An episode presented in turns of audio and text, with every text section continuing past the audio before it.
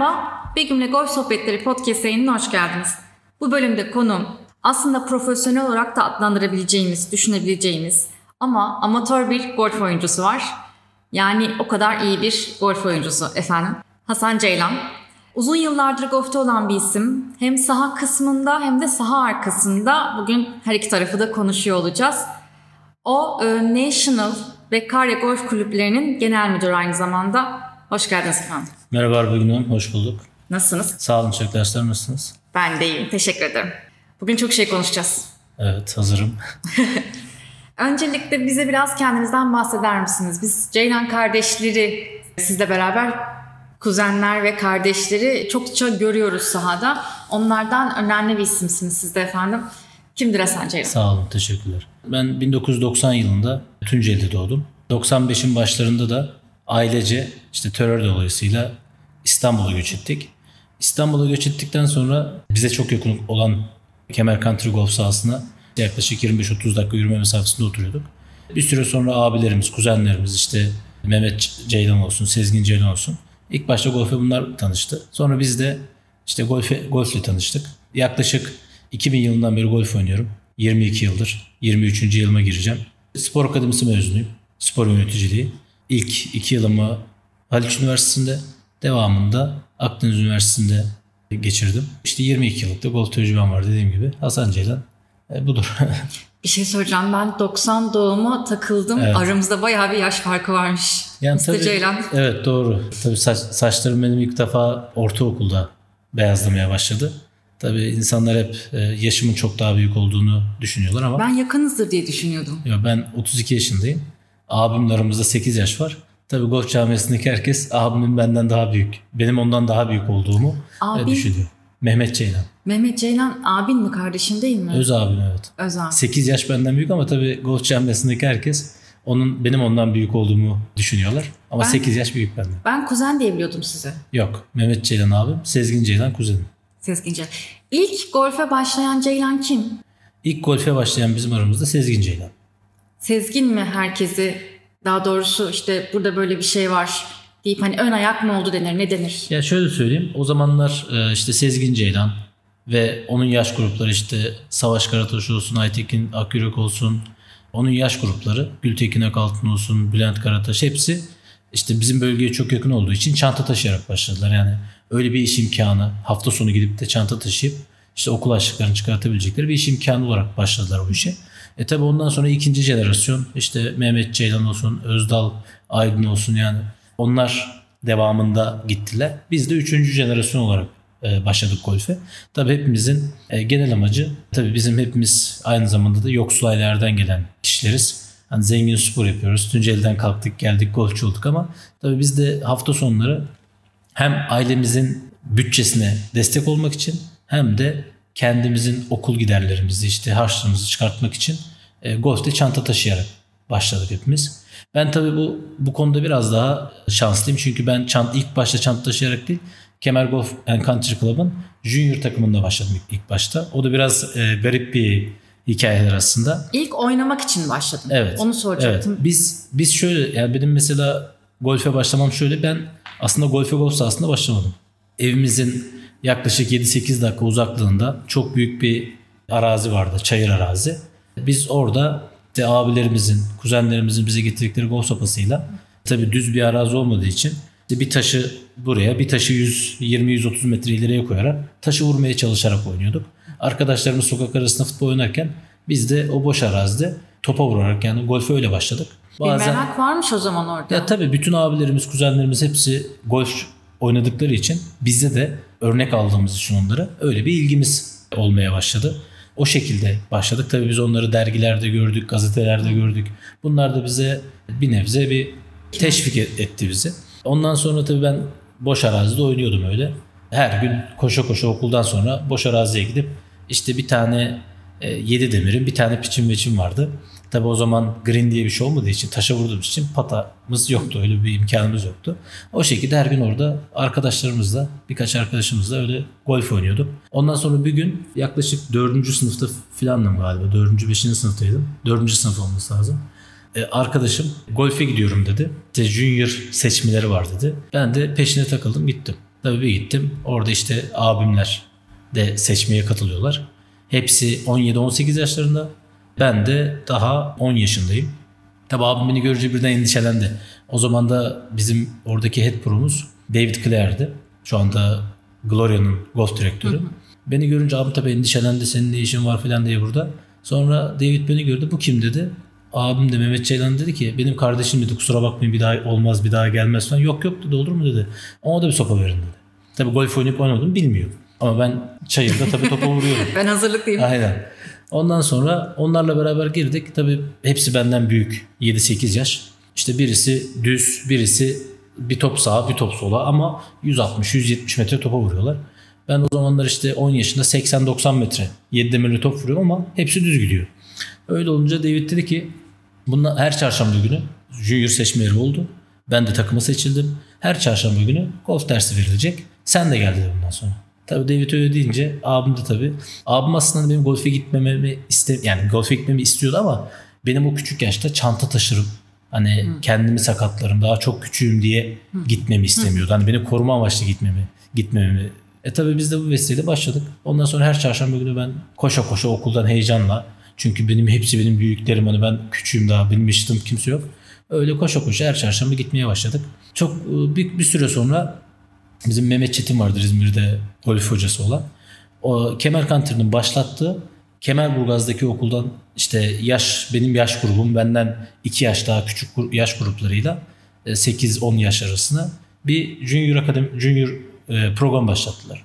Sonra abim de rica etti. Ya Mehmet hocam dedi hani Hasan da bu takıma gelse olur mu dedi. Tabii olur ya dedi. Ondan sonra ben tabii Kemer Kantir'in 2000 yıllarında başlatmış olduğu Junior programında devam etmeye başladım. Bir süre sonra Junior takımın kaptanı oldum.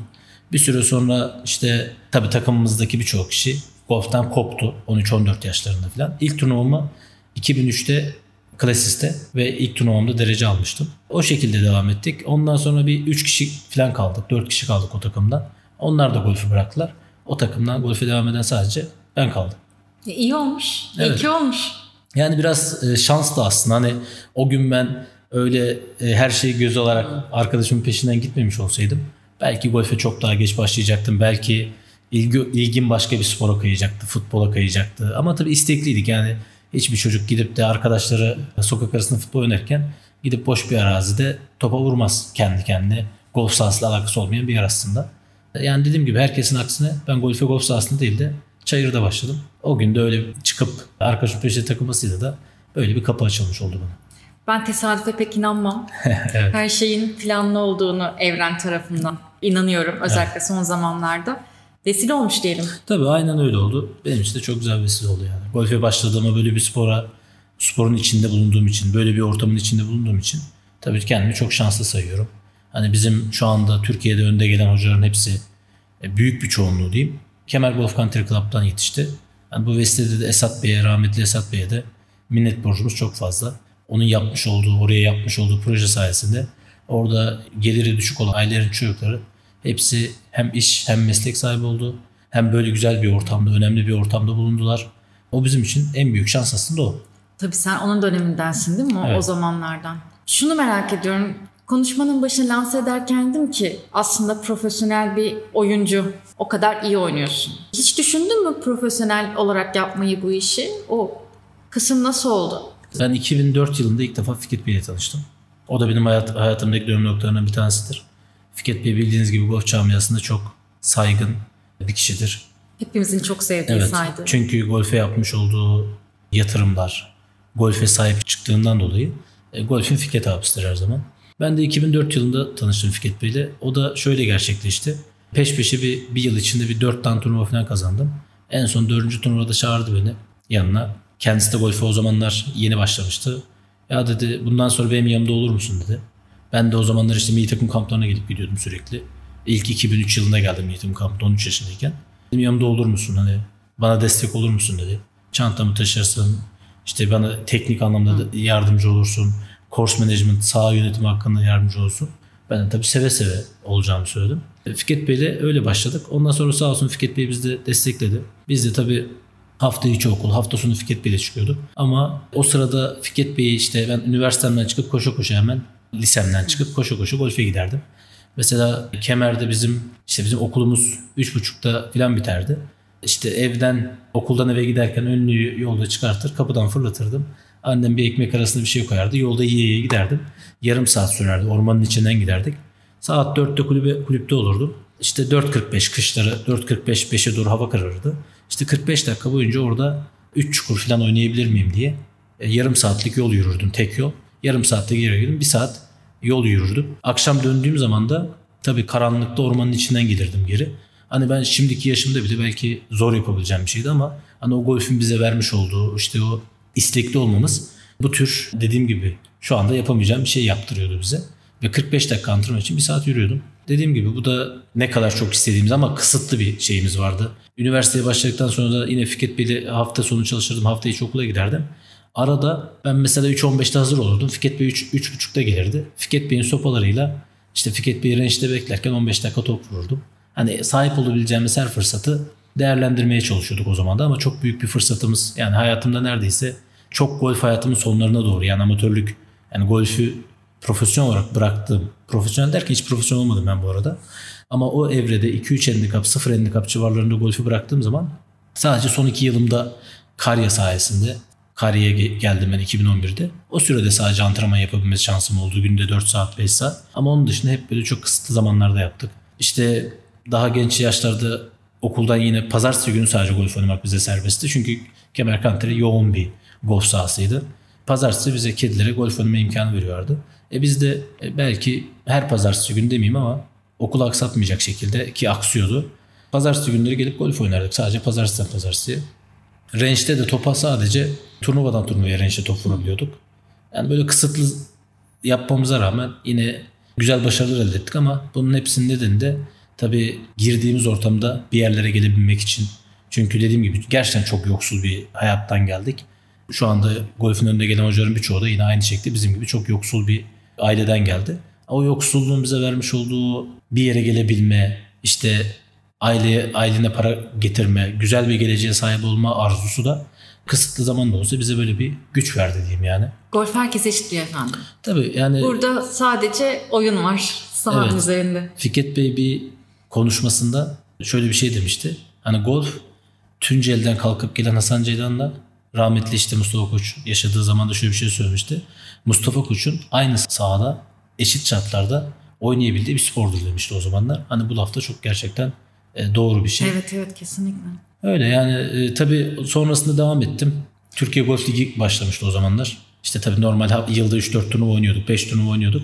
Türkiye Golf Ligi başladığı zaman da işte bir sene 6. sonraki sene 4. falan bitirdim. Tabii bu zamanlarda da artık üniversiteyi bitirme çağına geldiğimiz için hani önümüzde iki seçeneğimiz vardı. Yani Türkiye Golf Ligi'ne de iyi oyuncuların olduğu zaman da dördüncü bitirmek çok kötü bir e, şey de değil. Yani benim için iyi bir başarıydı gerçekten ki sadece hafta sonları antrenman yaparak böyle bir başarıya ulaşmıştım. Ama ondan sonra seçim yapmak zorunda kaldım.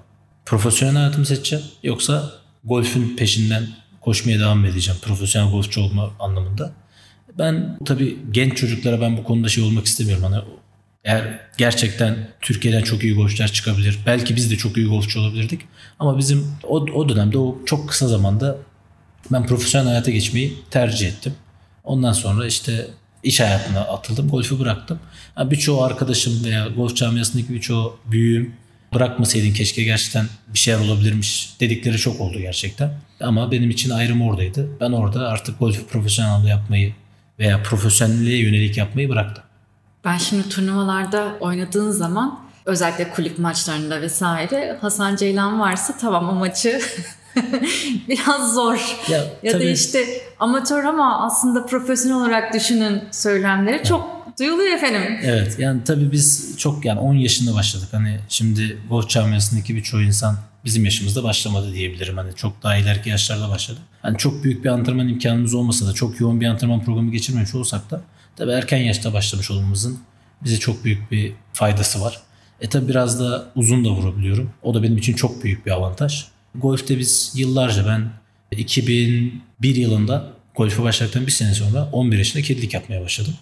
E tabi en son 2013 yılına kadar da Fikret Bey'in kediliğini yapıyordum. Biz çok fazla tabi oyun stratejisi gördük sahalarda. insanların vermiş olduğu kararlarda. Çünkü 50 saniyelik bir vaktiniz var. O 50 saniye içinde nasıl bir vuruş gerçekleştireceksiniz? Hangi sopayla vuracaksınız? Bu vuruşu gerçekleştiriyorsunuz ve bir 15-20 saniye sonra da sonucunu görüyorsunuz. Yani sürekli her her oyunda her sahaya çıktığımız kişinin vermiş olduğu karar doğru mu yanlış mı çok net bir şekilde görebiliyoruz. Bu bizim hayat tecrübemiz oldu. Hani sadece golf anlamında da söyle, söylemiyorum. Hızlı karar verme yeteneğimizi de geliştirdi çok fazla. Tabii böyle bir oyun tecrübesi de yıllar boyunca gördüğümüz için çok fazla oyuncu da yönlendirdiğimiz için kedilik yaparken tabii saha yönetimi de o anlamda da çok başarılı hale geldik uzun yıllar kedilik tecrübesinden dolayı. Hani bunların bir artı olduğunu düşünüyorum benim için. Ve hiçbir zaman da golften kopmadık tabii. Bundan dolayı yani tabii yani çok çok kendimi iyi görmüyorum ama yeterli seviyede oynadığımı düşünüyorum. Şu an iki sahanın, iki kulübün yönetimi sizde. Bunun o zaman golf bilmiş olmanın da e, artılarını yaşıyorsun, işini kolaylaştırıyor diye düşünüyorum. Tabii yani biz e, ikisi evet şu anda Caravan Nation Genel Müdürüyüm ben. Golfü çok iyi bilmek, mutfağından yetişmek, her bölgesinde yer almak. Gerek oyuncu olarak, gerek kedi olarak. İşte biz tabii şu anda golf camiasındaki çok önemli isimlerin yanlarında büyüdük. Çocukluğumuzdan beri kedilik yaparak. Ve birçoğu misafirimizin ne ister, nasıl düşünür. Biz bu, bunu çok iyi tecrübe ettik. Yani misafirlerimizi çok iyi tanıyoruz öncelikle. Ne isterler onu çok iyi biliyoruz. Beklentilerini çok iyi biliyoruz. Tabii bu da bize iş anlamında da üniversitede ben spor yöneticiliği üzerine okuduğum için böyle bir kombinasyon ortaya çıktı. E tabii dediğim gibi yani bu bu tür işlerde hizmet sektöründeki en büyük artlardan bir tanesi hizmet verdiğiniz kişileri ve beklentilerini çok iyi bilmektir. Hani bu da bizim için çok büyük artı. Devamında da çok büyük turnuvalar gerçekleştirdik. Mesela Turkish Airlines Open, Rolex serisi olan Turkish Airlines Open'ı 3 yıl burada gerçekleştirdik. O zamana kadar tabii yine turnuvalar organize ediyorduk. Yine tecrübemiz vardı ama tabii bu Turkish Airlines Open turnuvası çok farklı bir tecrübe yarattı bizde. İnanın ilk geldikleri zaman tabii ben o zaman 25 yaşındaydım. 26 yaşındaydım. 2016'da ilk yaptık. 26 yaşındaydım.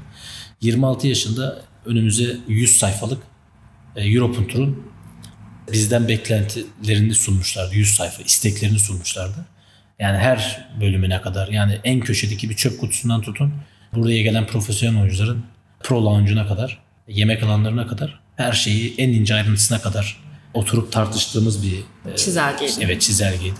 Biz de bunu bu bize çok büyük tecrübe kazandırdı. 3 yıl peş peşe bunu yapmak. Ondan sonra da biz zaten kent turnuvalarımızı organize etmeye başladık. Yaptığımız turnuvaların başarılı geçmesinin büyük nedenlerinden bir tanesi de budur. Tecrübe ediyorsunuz. Tecrübe zaten. tabii yani yıllarca dediğim gibi yani bu ortamın içinde olmak, bu tür organizasyonlar gerçekleştirmek ve çok iyi bir ekibe sahip olmak. O da çok büyük bir kriter. Bir şey sormak istiyorum. Şimdi Fikret Öztürk ve hatta Öztürk ailesiyle aranızdaki ilişki de farklı. Yani buradan öyle görünüyor. Konuşmalardan aldığım feedback aynı şekilde. Sanki hani iş işveren çalışan değil de e, baba oğul ilişkisi. Ya tabii dediğim gibi biz Fikret Bey'le 2004'te tanıştık. Şu anda işte 19. yılımıza gireceğiz beraber. Özellikle ilk 2-10 yıl e, Fikret Bey günde 4,5 saat 5 saat golf oynadığını düşünün.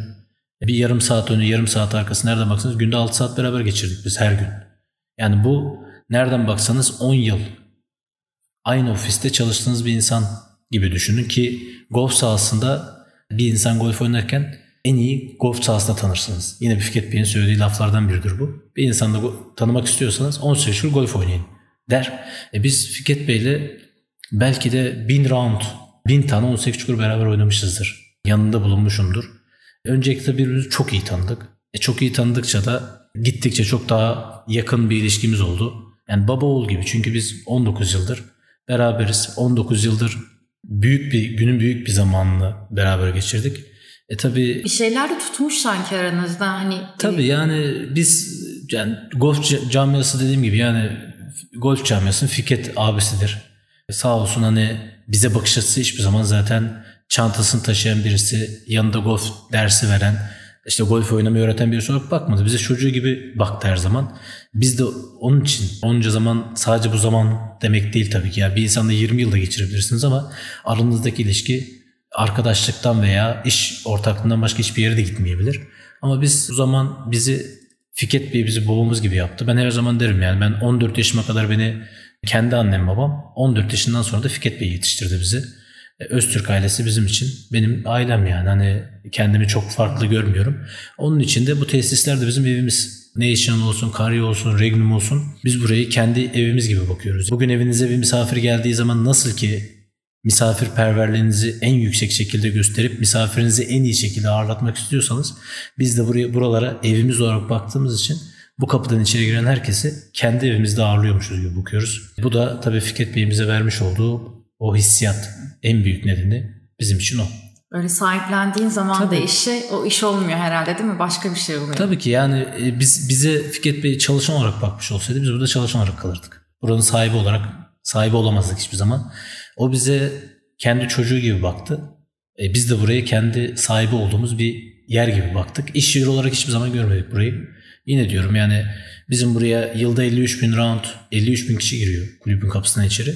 Biz o 53 bin kişiye kendi evimize gelmiş bir misafirinize özel, önemli bir misafiriniz geldiği zaman kapıda ayağına terlik bırakmaktan dönüşte ceketini tutana kadar evinde ikram ettiklerinize kadar her şeyi nasıl evinizde o şekilde bakıyorsanız biz de kendi evimizde her yıl 53 bin kişiyi ağırlıyoruz. Yani bu da herhalde başarımızın bir sırrı e, diyebilirim. Ne güzel. Şunu merak ediyorum. Hem e, golfçusunuz hem de e, yöneticisiniz golf camiasında, Evet. golf kulübünde. Hangisi daha ilgi çekici? Ben işimi gerçekten çok severek yapıyorum. Hani yıllar geçtikçe de organize ettiğimiz turnuvalar güzel ve başarılı geçtikçe de tabii kendimizi her zaman bu işin daha da derinlerine inmiş olarak gördük. Tabii golf oynamayı çok seviyorum. Benim için bambaşka bir şey. Golf sahasına çıktığınız zaman bir tee'den topa vurduğunuz zaman sahaya başladığınız anda özgürlük benim için yani o. Çünkü bu hayatta yapmayı en çok sevdiğiniz ve olmayı en çok istediğiniz yerde en özgürsünüzdür. Ben de kendimi en öz- özgür hissettiğim yer golf sahası. Golf sahasına çıktığım zaman ben de sevdiğim ve iyi yaptığım bir iş olduğunu düşünüyorum. Bir spor olduğunu düşünüyorum. Onun için ben çok seviyorum golfü çünkü benim bir parçam gibi o da. Ya oynamadan zaten benim de misafirlerimi anlamam mümkün değil. Yani bu işi bilmiyorsanız en ince ayrıntısına kadar bilmiyorsanız işte bir pata yaparken green'de bir sorun var mı yok mu iyi bir oyuncu değilseniz anlayamazsınız. Sahada bir misafirle aynı sahada golf oynamak benim için aslında benim he- oynadığım her round sahayı misafir gibi kontrol etmem. Ben olsam bu sahada neyi şikayet ederim? Neden memnun kalırım? Beni ne tatmin eder veya ne memnun memnunsuz bırakır diye her çıktığım roundda bunu düşünüyorum. Yani ve bu sadece kendi saham için değil, çıktığım her golf sahasında hep gözüm bir yandan da bundadır. Golf ve konsantre olmaktan ziyade işte greenlere nasıl, pitch mark yapılmış mı, yapılmamış mı, bu sahanın sıkıntısı ne, işte neyi iyi yapıyorlar, hangi tarafta eksikler hep bunları düşünüyorum tabii. E bu bakış açısıyla baktığınız zaman da sürekli de girdiğiniz her tesisten de bir şeyler öğreniyorsunuz veya kendi iyi yaptığınız bir şeyi görüp üzerine daha fazla düşebiliyorsunuz. Tabii bizim golfçü misafirimiz hepsi bizim abilerimiz, arkadaşlarımız aynı zamanda da. Onlarla da aramızdaki ideologdan dolayı da en ufak bir hatamız varsa veya hoşlarına gitmeyen bir şey varsa bizi gönül rahatlığıyla çok açık arkadaşça söyleyebiliyorlar. Biz de bunları duymaktan yani biz burada güzel şeyler duymak için durmuyoruz. Yani biz burada her zaman bir eksiğimiz varsa hep onu duymak isteriz. Yani tabii Eksik ki olan bir şey tamamlıyor. Tabii ki yani herkes güzel şeyler duymak ister kesinlikle ama biz eksiğimizi duyduğumuz zaman eşimizden, dostumuzdan hepsi de çok iyi niyetli insanlar. Çok daha mutlu oluyorum ben. Hani çünkü bizim bir işin içine girdiğiniz zaman belli bir yerden sonra da tabii artık o işi ne bileyim kör olabiliyorsunuz yani. Hep aynı yerde olduğunuz için göremeyebiliyorsunuz yani. Peki bir şey soracağım. Şimdi golf oynarken aslında hani tamamen oyuna konsantre olmak gerekiyor ya. Evet. Ama bu söylediğiniz şeyler biraz o konsantrasyonu sanki bozabilecek şeyler. Evet. İşin o kısmı nasıl dengede kalıyor? Ya ben aslında tabii Kari ve National benim için en keyif aldığım kendi testlerim olduğu için söylemiyorum. En keyif aldığım sahalar. Çok farklı iki karakterde sahalar bunlar. Ama ne yazık ki ben kendi testlerimle golf oynadığım zaman çok içim rahat oynayamıyorum. Yani çünkü iş yine bir iş yerimin içindeymişim gibi. Yani açık konuşmak gerekirse o kadar golfü sevip zevk almama rağmen hala iş yerindeymişim gibi de hissettiğim oluyor. E, bir nevi iş yeri çünkü. Tabii ki yani orada mesela sahanın bir bölümünde en ufak bir şey gördüğüm zaman kafam oraya takılabiliyor. Yani onu ayırmak çok zor. Yani sizin Değil mi? kendi Orası biraz çok zorluyor zor. sanki. Yani onu ne kadar profesyonel olursunuz olun. Green'de gördüğüm hemen bir 5 tane pitch mark görüyorsam yine baş işte ya bak yine yapmamış kimse pitch mark diyorum. Birisi bunker'ı tırmıklamadıysa işte gidip Bunun onu tırmıklıyorum. Mesela line'a bakmak yerine golf oynarken green'de gidip 5-6 tane benchmark düzeltiyorum. Tabii ondan ama o da bir benim için mutluluk yani. Hani %100 oyunuma konsantre olmadığım için bir ufak bir kısmından zevk almıyorsam ama sahada olup da oradaki eksiklikleri tamamlayıp onu gördüğümde o da benim o eksik kalan kısmı tamamlıyor benim için aslında yani. Hani dediğim gibi az önce de söylemiştim. Biz sahaya golf oynamaya çıkarken aslında aa bak golf oynuyor değil e, sahada bir eksiğimiz varsa bunu görmek için. Yani bir misafirin bana gelip de şu anda kar ya da greenler şöyle böyle dediği zaman ne kadar haklı olduğunu ve olmadığını benden daha iyi kimse anlayamaz. İşi bildiği zaman insan daha... Tabii bildiğiniz zaman ve tabii benim bütün meslektaşlarıma bir tavsiyemdir. Yani golf sahanızda golf oynamıyorsanız düzenli aralıklarla sahanızın ne durumda olduğunu sadece buggy ile gezerek anlayamazsınız yani. Çünkü uzaktan baktığınız zaman her yer yemyeşil. Ama fairway çok mu uzun, çok mu kısa, raf çok mu uzun, çok mu kısa. Hmm, işte, tabii lazım. greenler hızlı mı, yavaş mı? Tabii yani bunların hepsi deneyimlemekle olur. Düzenli aralıklarla oynamakla olur. Nasıl ki bir yemeği yemeden sadece görüntüsüyle ne kadar iyi olup olmadığını anlamıyorsanız golf sahasında golf oynamadan da bizim profesyoneller için söylüyorum. Onun ne kadar iyi olup nerede eksiğinin olduğunu anlamanız mümkün değil. Anladım. Peki şunu sormak istiyorum. Tabii. Bu sorumun nedeni üzerinizdeki tişört efendim. Evet. Tişörtte Karya Golf Kulübü ama Ankara Go- Karya evet. Golf Kulübü. Hasan Ceylan Fikret Öztürk'ün bir jokeri midir? Sorun bu efendim. Çünkü şöyle biraz evet. e, aslında tanıyanlar golfün içinde olan insanlar e, ne demek istediğimi anladı ama e, evet. e, daha yeni başlayanlar ya da golfü merak edenler de dinleyebilir bu podcast'te. Evet.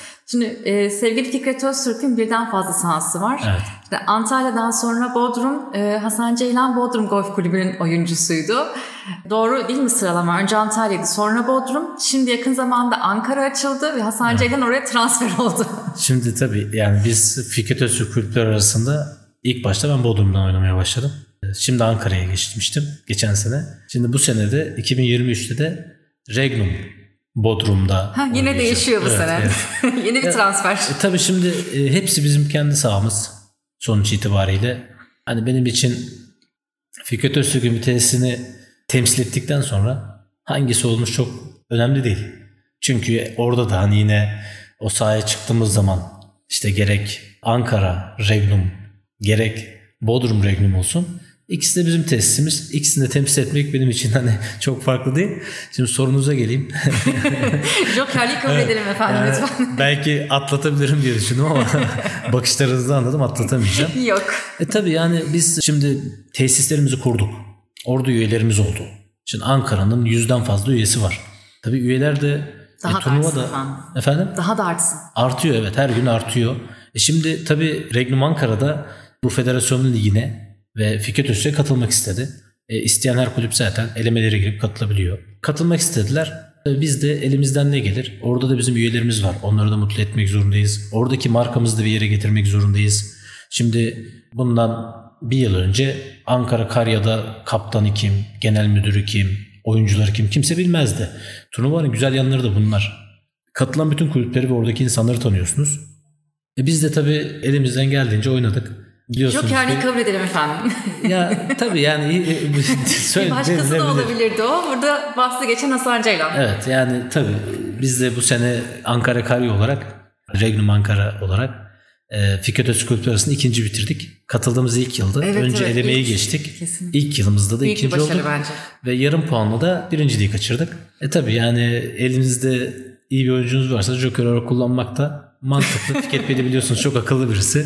Ama tabii burada bizim yine söylüyorum. Bunu da belirtmek istiyorum. Hani e, hep iyi tabii ki iyi niyetle yapılmış bir şey. Yani e, biz kendi kulübümüzü... Kötü niyetle sormadım tabii, zaten efendim. Kendi lütfen. kulübümüzü desteklemeyip nereye kimi destekleyeceğiz? Yani Ankara, Regnum Ankara'da bizim bir tesisimiz. Orayı destekledik. E, bu sene Regnum Bodrum. Şimdi Fikret Bey bütün kulüplere bunu altın çizerek belirtmek istiyorum. Bütün kulüplere eşit davranmıştır her zaman. İGK'nın da üyesidir, Kemer'in de üyesidir, Klasis'in de üyesidir. Bütün, Bütün kulüplerin kulüpler. üyesidir. Ve daha geçen gün de kendi Welcome Cocktail'inde de söyledi. Ben işte Bodrum'un başkanlığını bıraktı. Benim için bütün kulüpler aynı dedi.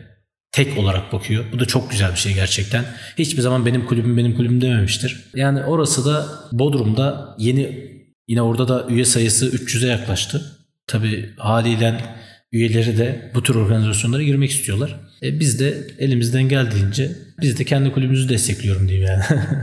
Başarınız daim olsun efendim. Sağ olun, Bakalım bu sene kim Evet her sene gittikçe çok daha çekişmeli bir hale geliyor. Bu sene özellikle acayip çok keyifliydi. Hemen çok keyif aldım. Çok çekişme vardı. E bir de biliyorsunuz ki artık son iki takım olan da eleniyor biliyorsunuz. Evet. Son ikiye de düşmemek gerekiyor. Onun için hem aşağıda hem yukarıda işte birileri birincilik için birileri de son ikiye girmeyip turnuvada kalmak için oynadılar.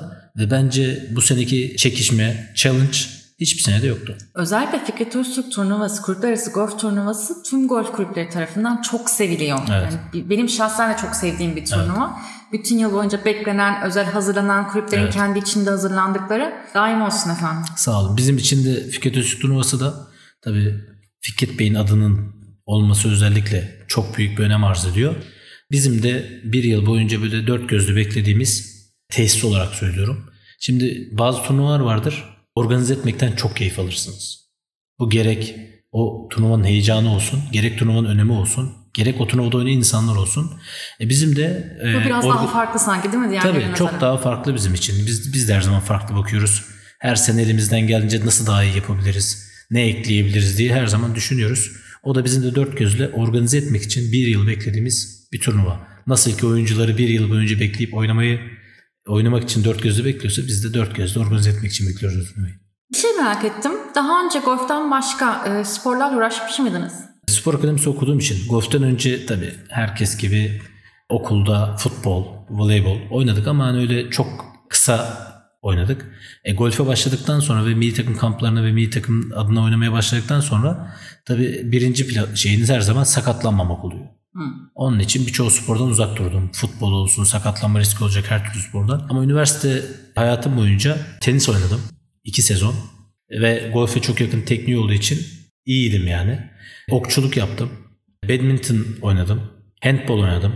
Basketbol oynadım. Ha, bayağı ee, farklı şeyler Tabii tabii. E, doğal kaya tırmanma. Hepsi üniversite döneminde yaptım bunların. Ondan sonra işte kamp. Biz işte bir, bir hafta kadar ormanda yani dağın başında çadırda yaşadık. Yani bu türlü bu tür birçoğu sporu yaptım. Ama işlerinde böyle başarılı olduğum yani severek yaptım başarılı olduğum da tenis ve okçuluktu. E çünkü her ikisi de yine el göz koordinasyonu olduğu için golfle ortak yanları olduğu için e, onlar da başarılıydım aslında. Odaklanmada iyi. Odaklanmakta da evet iyi. Yani bu da golfün bize vermiş olduğu bir şey ama dediğim gibi bu saydığım bütün sporları denedim okulda, üniversite hayatım boyunca. Sonra golfte karar kıldık. Biraz golfte zaten golfte 10 yaşımızdan beri zaten karar vermiştik tabii golfe. Hiçbir spor bunu değiştirebileceğini ben düşünmüyorum. Golfte en çok sevdiğiniz şey. Neden golf yani? Golf gerçekten çok özel bir spor. Ben e, bir dergide yaklaşık olarak bir sene kadar da köşe yazarlığı yapmıştım golfle ilgili. Şöyle söyleyeyim size. Şimdi golf Öncelikle sosyal ortamıyla. İşte az önce konuşmuştuk. Bizim de burada golf oynadığımız insanlar doktor, avukat, çok büyük iş adamları yani her kesimden herkesle golf oynuyorsunuz. Çok büyük sosyalleşiyorsunuz. Yani çok ciddi anlamda sosyalleşiyorsunuz. Bu sosyal tarafını çok seviyorum öncelikle. Doğanın içinde yapılmış olması, sürekli doğadasınız. Yapay hiçbir şey yok neredeyse. Bundan dolayı çok seviyorum golfü. Ve tabii çok zor bir spor. Çok çok hızlı şekilde unutabileceğiniz teknik anlamında, his, feeling anlamında bundan dolayı da çok seviyorum. Eğer ben her zaman söylüyorum yani golf basit bir spor olmuş olsaydı bence bu kadar insanları içine çekip de bir başladıktan sonra bırakmak gerçekten mümkün değil. E bunun da en büyük nedenlerinin bir tanesi bence zor olması. E bugün golf oynayan insanların büyük bir çoğunluğu başarılı iş adamları. Bir şeyleri kesinlikle başarmış insanlar. Ve golf size her zaman başarabilme hissi veriyor size. Gerçekten bugün handikapınızı oynadığınız zaman aslında her gün bir şey başarıyorsunuz. Her handikapınızı oynadığınızda ve altında oynadığınızda bir şey başarıyorsunuz. Ve bir şeyi başarmak hissi insanları bence en büyük mutluluk bir şeyi başarmak hissidir bana göre. 10 metreden pata, pata yapmak, içeri atmak bir başarıdır yine. İşte dediğim gibi çok zor bir çukurda T'den fairway vurabilmek bence de yine bir başarıdır. Bence golfün oradaki en büyük özelliği başarabilme hissi. İyi bir golfçü nasıl olmalı? İyi bir golfçü nasıl olur? Şimdi golfü herkes oynayabilir. Bu fiziksel anlamda da öyle. Her anlamda golf herkes içindir öncelikle. İyi bir golfçü tabii mental anlamda da güçlü olması gerekir. yani fiziki anlamdan daha da önemlidir benim için. Çünkü görüyorsunuz yani her yaşta her fizikte insan golf oynuyor ve her yaşta her fizikten insan da başarılı oluyor. Her zaman şunu söylerim golfte golf eğitimi almadan kendinizi geliştirmeniz mümkün değil. Ben yeni başlayan insanlara bir seviyeye kadar düzenli ders almaları gerektiğini, o seviyeden sonra da düzenli check-up yapıyormuşsunuz gibi sürekli belli aralıklarla ders almanız gerekiyor. Bizler dahi profesyonel seviyede golf oynasanız bile çok çabuk bazı şeyleri oynadıkça işte gribiniz değişiyor, yönünüzü ister istemez sağ almış oluyorsunuz falan. Bu düzenli dersin kesinlikle hep yani ne yaptığınızı bilmeniz lazım golfte. Bu çok önemli. E tabi iyi bir golfçu olabilmeniz için ben her zaman söylerim. En önemli kısmı çiptir benim için. Bence çiptir. Yani bugün çok iyi oyuncu da yeni başlangıç seviyesi bir oyuncu da iki vuruşta green kenarına gelebiliyor. Profesyoneli iyi oyuncuyu daha yani kötü oyuncu demek istemiyorum tabii öyle bir şey. Benim bana göre öyle bir kötü golfçü, kötü oyuncu diye bir şeyi yok golfte. Daha başarısız olan bir kişiye göre yani orada daha yüksek handikaplı diyeyim. Ondan ayıran en büyük özellik bence çiptir yani. Bir kişi oradan birine 15 metreden bayrağı yarım metre atar pataya bile baskı koymaz yani. Pata bile atmak zorunda kalmaz. E diğeri oradan tap edebilir, yere vurabilir. Golf'te par dörtlük bir yeri 4 yapmakla 8 yapmak arasındaki en büyük kriter bence çiptir. Hı. Çünkü bir grinde 3 pata yaparsınız. Yani, Kritik nokta çip diyorsunuz. Tabii 3 pata yaparsınız bir vuruş kaybedersiniz. Ama bir çip size çok şey kazandırır. Çok par yaptırır en azından. Bunu tabii dinleyicilerimiz de fark edecektir. Eğer daha dikkatli bakacak olurlarsa çipin aslında oradaki en büyük kriter olduğunu düşük handikap, yüksek handikapı birbirinden ayıran bölüm aslında golfte çiptir. Böyle düşünüyorum. Ve çok önemli bir turnuvan varsa da bir günde swinginizi değiştiremezsiniz. Swing dediğiniz swinginizin iyi olması demek bunu çok daha uzun bir süreçtir. Üzerine koya koya koya koya gidersiniz ama bir günde çipinizi düzeltebilirsiniz. Ve bir günde 5 sayıyı oynamanın da bence en kolay yolu çiptir. Yarın çok önemli bir turnuvan varsa gidip range'de 3-4 sepet top vurmak yerine bir saat çip çipin girinde çip çalışmak bana yıllarca hep çok daha iyi gelmiştir. Çünkü e, iyi oynamadığınız bir günde sizi kurtaran çipinizdir. Ormana atarsınız, green kenarına çıkarsınız, iyi çip yaparsınız, para atarsınız. Çok iyi vurursunuz, kötü ikinci vuruş yaparsınız, iyi çip yaparsınız, para alırsınız. Bence bu. Kritik nokta. Kritik nokta bence çip. Not aldık. Evet, kesinlikle.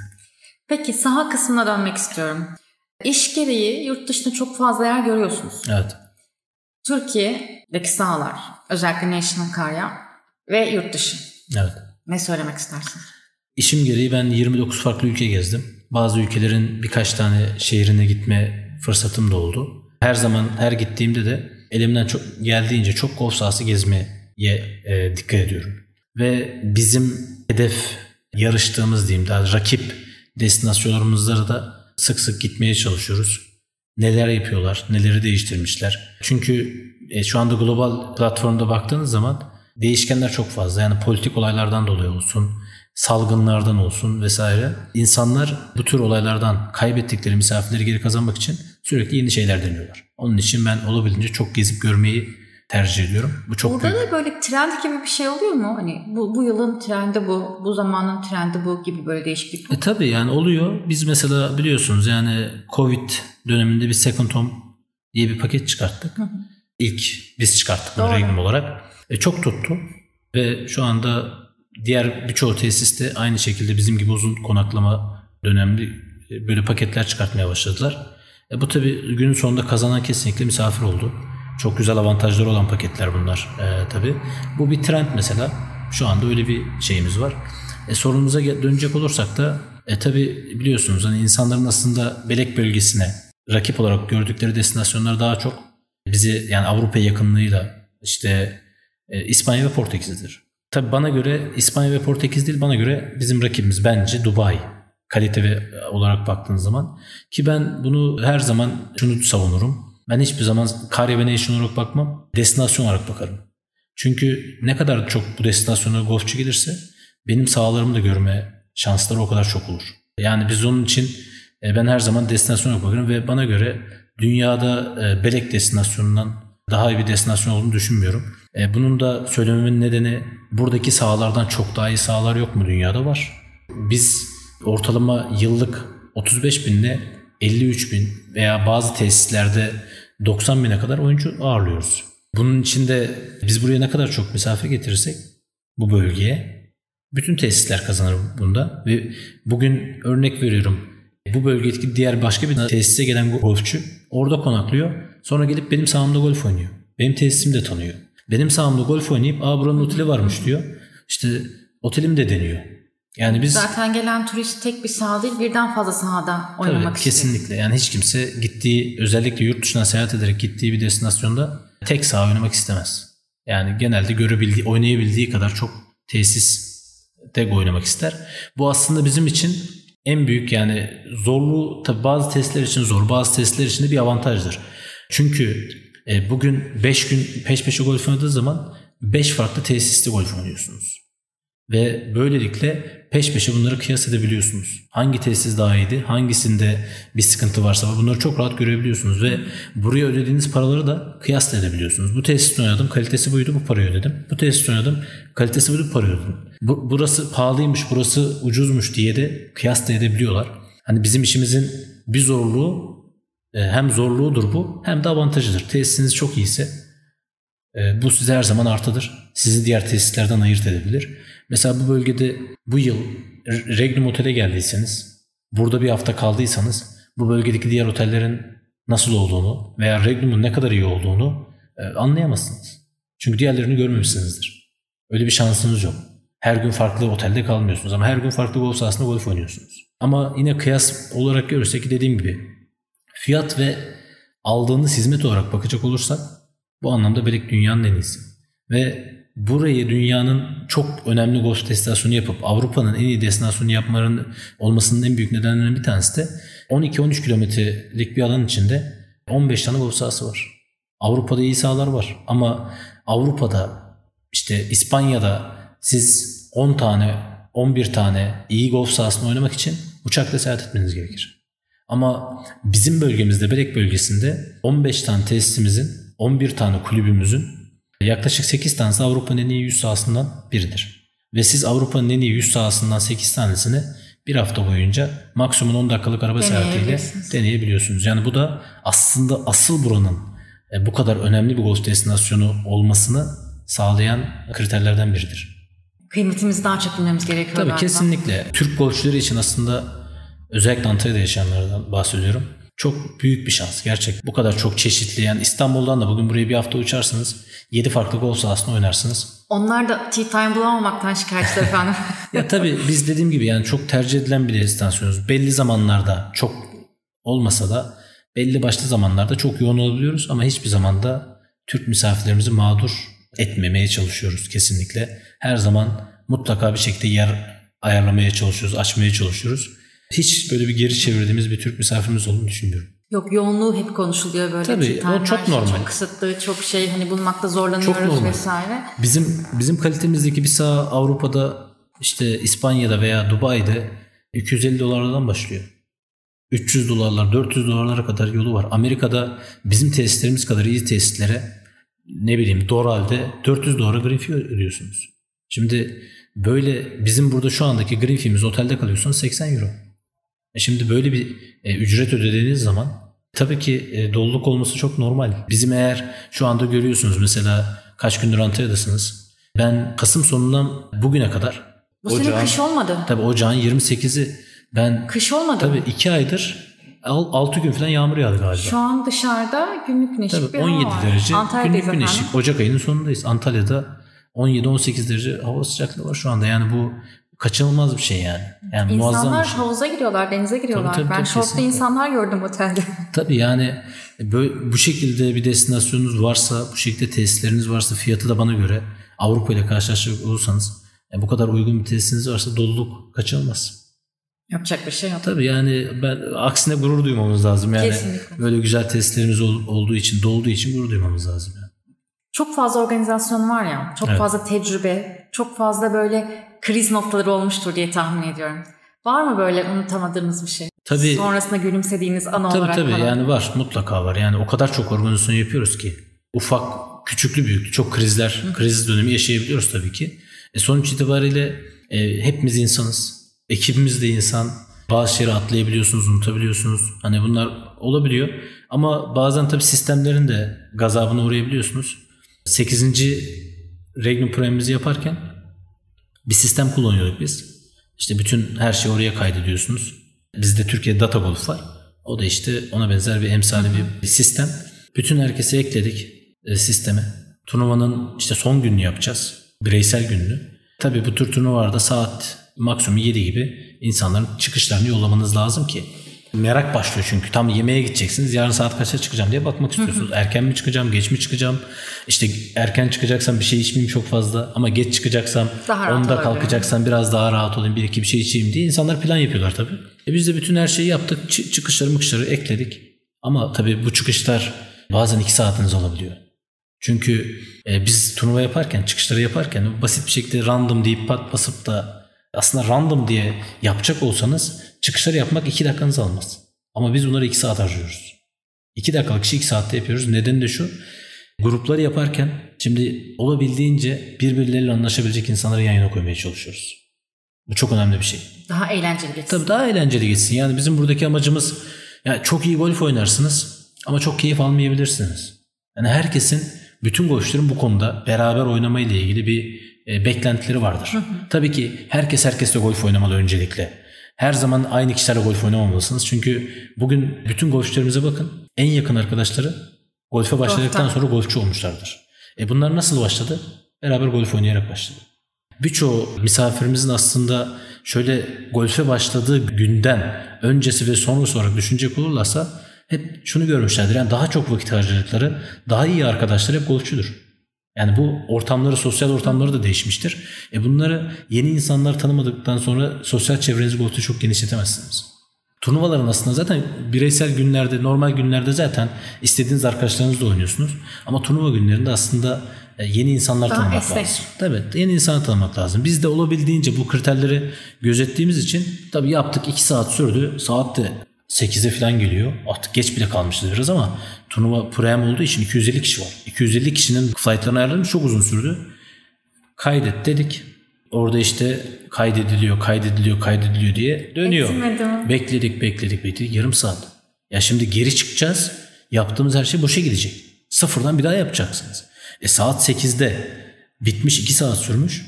Yani bir iki saat daha saat 10 demek. Tabii günün sonunda da kaydedilmedi. Sistem kendini kapattı. Yeniden Sil baştan. 8'de o stresle o stresle herkes durmadan 5 dakikada bir bir arıyor. 5 dakikada bir bir arıyor. İşte flight'lar belli mi? Flight'lar belli mi? Tabii bir yandan da flight yapıyorsunuz. Bir yandan da birileri telefon açıyor. Ona tam Daha çok anlatırken gecikiyor. tabii anlatırken gecikiyorsunuz. Bir daha işte bunu e, girdik sisteme. Bitirdik. Oh dedik. Bastık. Yine mi? kaydediliyor, kaydediliyor, kaydediliyor. İnanmıyorum. Ve ne yazık ki tekrar yine kaydetmedi ve her şey sil baştan oldu. İşte biz de hemen gecenin o saatine saat 10.30 11'e geliyor. 10.30 falan. İşte sistem yöneticilerini falan aradık. Bayağı bir karıştırdık ortalığı. Çünkü çok acayip stresliyiz. Ben o kadar Üç stres... defa mı yaptınız? Dört Evet, defa mı üç- oldu? üç- üç Kaçta kez kaldı? Yaptık. Üç kez yaptık ama ben o kadar stres yaşadığımı hiç hatırlamıyorum. Yani o kadar European Tour turnuvası organize ettik neler. Ama o stresi anlayamazsınız. Yani düşsenize saat 11 olmuş. İnsanlar sizden tea time'ını bekliyor. Onlar da Yani bir yerden baktığın adam uyuyacak. zaman şimdi burayı Tabii, görmüyor. uyuyacak. Haklılar. Tabii. Bilgi istiyorlar. Ama bizim orada yaşadığımızı da anlamıyorlar. Yani Yok, sonuçta sistemden yapıyorsunuz. Hani sistem böyle bir çöküntüye uğradıysa yapacak hiçbir şeyiniz yok. Ve yani e, ben o, o gün herhalde benim hayatımdaki en stresli günlerden bir tanesiydi yani. O çok zor bir durumdu. Çünkü Saçlara birkaç beyaz gelmiş mi? çok. Bir kısmı orada beyazladı zaten. Yani şöyle söyleyeyim. Ve o kadar haklı ki misafir. Saat 11 olmuş adam yatacak. Evet, ama o taraf haklı bu taraf haklı. tabii, Kimsenin yarın kaçta şey oynayacağını bilmiyor adam daha. Neyse bir şekilde Çözüldü. Oradan işte kaydetmemiş ama aynı zamanda sistemde de silinmediğini görebiliyorlar. Biz göremiyoruz ama onlar görebiliyorlar. Sen 15 dakika içinde yaptılar yolladık. Çekebildiler mi? Yolladık tabii ama sabaha kadar da bunun stresiyle yattım yani Hani uyuyamadım bile. Çünkü e, biz mükemmelliyetçiyiz. Hani bu da sağ olsun Fikret Bey'den aldığımız bir özel başka bir özellik. Mükemmelliyetçiyiz. O da tabii bizim için çok büyük başarısızlık elimizde olmadan bile yani. Hani o beni çok e, üzmüştü. Ama gün sonunda yine organizasyonun yine güzelliği, havanın güzelliği, tesislerin güzelliği insanlar Kapattı bunu birazcık evet unutturdu. Öyle kapattık o gün ama çok Bazen stresli. oluyor diyelim efendim. Olabiliyor tabii. Her zaman başınıza gelebilir yani. Hepimiz için. Evet. Neyse geçmiş olsun. Orada Sağ kalsın. Teşekkürler. Çok keyifli bir sohbet. Çok sağ olun. Ee, ben son soruma geldim. Lütfen. Bu soru benim için çok özel bir soru ve tüm konuklarıma sorduğum bir soru. Evet. Cevabını merak ediyorum. Lütfen. Golf nedir? Net değildir efendim. Bence golf yani böyle kendinizle böyle mücadele edeceğiniz, mutlaka başarılı olmam gerekecek diyeceğiniz bir spor değildir yani. Yani golf günün sonunda bir spordur. Sevdiğiniz arkadaşlarınızla böyle güzel doğanın içinde oynadığınız bir spordur günün sonunda. Ve ne kadar zorlar, ne kadar stres yaparsanız o kadar da çok mutsuz olacağınız bir şeydir. Hani ben bunu çok çok gözlemliyorum. Hani şunu demek istemedim. Çok ciddiye almanız gerekecek değil. Yani bu şöyledir. Siz neden golf oynuyorsunuz? Bunu çok iyi anlamanız lazım. Eğer siz neden golf oynadığınızı bilmiyorsanız birçoğu misafirimiz bence bunu bir iş olarak görüyor. Golf kesinlikle bir iş değildir. Golf sevdiğiniz insanlarla sevdiğiniz bir ortamda yaptığınız bir spordur. Ama bu sizin işiniz değildir. Eminim bunu işiniz olarak yaptığınız zaman illa başarılı olacağım diye yaptığınız zaman da şimdi ne diyoruz biz? Ya gideyim biraz golf oynayayım stres, stresimi atayım. Ama bazen de görüyorsunuz sağda sopa fırlatıyorlar. işte sinirleniyorlar, yere Kırıyorlar. vuruyorlar. İşte şimdi bu değildir golf yani. Oraya stres olmaya gelmiyorsunuz. Rahatlamaya geliyorsunuz. Ne kadar çok bu işi o şekilde görürseniz o kadar da zevk almazsınız bu işten. Doğru. Belki insanın kendine o soruyu sorması Kesinlikle. gerekiyor. Ben neden golf? Neden golf oynuyorsunuz? Neden? Yani keyif almak için oynuyorsunuz. Stres atmak için oynuyorsunuz. Arkadaşlarınızla güzel bir sosyal bir çevreniz, sosyal bir aktiviteniz olsun diye golf oynuyorsunuz. Eğer siz bunu bu çizginin dışına çıktığınız anda golf sizi çok üzer. Gerçekten çok üzer. Moraliniz bozulur, modunuz düşer. Hayır. Hiç kimse dünyada her gün iyi golf oynayamaz. Bunu kesinlikle anlamamız gerekiyor. Bakıyorsunuz bugün Rory'e bakıyorsunuz, Rory McIlroy'a bakıyorsunuz, Tiger'a bakıyorsunuz. Yani bunlar siz hiç kaç tane turnuvayı peş peşe aynı insanın kazandığını görüyorsunuz? Yani Rory'e bakıyorsunuz sezonda 3 turnuva kazanıyor. E kaç turnuvada oynuyor? 36 turnuvada oynuyor. Biz de bu şekilde bakmalıyız. Baktık bugün çok iyi oynuyoruz keyif alacaksınız. Baktık bugün olmuyor yine keyif alacaksınız. Ama skoru unutacaksınız. Sadece o gün evet bugün ben top Anın tadını çıkar. Anın tadını çıkartacaksın. Evet bugün topların biraz sağa gitsin. Keyif alın boş verin. Çünkü zaten işin skor kısmı ortadan kalkmış. Zaten kötü oynuyorsunuz. E bari keyif alın o zaman. Skoru zorlamayın ondan sonra. Rahat olun. Doğru. Havanın tadını Tabii çıkar. havanın tadını çıkart. Yanındakinin Yani, tadını çıkar. Tabii ki. O zaman aslında daha keyifli olacak. Mesela ben bugün bir turnuvadan geliyorum buraya. E, çok kötü oynadım. Yani o son 10 yılımın en kötü oynadım. Ama şuna baktım sonra. Grubumda sevdiğim arkadaşlarım vardı. Bir güzel bir grubumuz vardı. Ya dedim ne olacak ya sen ya? Yani ilk defa mı 10 fazla oynayacaksın? Hayır. Ne olacak ki yani? Her gün başarılı olamazsın sporda. Başarılı olduğun gün keyif alırsın. Onun keyfi hiçbir yerde yok gerçekten yani ama o gün değilsen, o gün senin günün değilse bırakacaksınız. Hiç düşünmeden aslında en rahat oyununuzu öyle oynuyorsunuz. Neden? Sonuç düşünmüyorsunuz. Sonuç düşünmeden oynayacaksınız. Asıl skor da oradan gelecek bence. Kesinlikle öyle. Çok teşekkür ederim. ben de çok teşekkür ederim. Ayağınıza sağlık. Buraya Çok kadar keyifli geldiniz. sohbet oldu. Benim için de öyleydi. Çok sağ olun. Hani bu söylediğim birçoğu şey de hani sanki kendi kendime düşünüyormuşum. Geçmişe gittim. İşte benim için çok güzel bir konuşma oldu. Birçoğu şeyi hatırladım. Ben- Neden bu işi yaptığımı her şeyi sayenizde tekrardan bir hatırlamış oldum. Ya ne güzel. Ben bilerek soruları vermiyorum. Burada önümde bazı notlarım var ama birebir o notlara da bağlı kalmıyorum. Konuşmanın akışını biraz bırakmayı seviyorum. Evet, ben de size sormuştum baştan sorular belli. sorular diye. yok dedim. İyi ki söylememişsiniz. Yani e, bu kadar samimi bir konuşma ol- olmuyor bilirmiş yani. Çünkü o zaman bir hazırlık Evet, biraz yapıp- monoton Tabii, hiç oluyor, gerek yok. olsun istemiyorum. Evet, bence de e, çok başarılı, çok doğru yapıyorsunuz. Bunu da konuşmanın sonunda anlayabiliriz. Teşekkür ederim. Teşekkürler sağ olun. Eklemek istediğiniz bir şey varsa mikrofon sizde efendim. Eklemek istediğim bu en son söylediğim şey o sorunuz çok güzeldi. Lütfen golfü keyif almak için oynayın. Keyif almak için oynarsanız sonuçta alırsınız mutlaka. Bu benim söylemek istediğim yani önemli nokta bu bence. Buradan mesaj gitsin Evet efendim. kesinlikle. Çok teşekkürler. Sağ olun.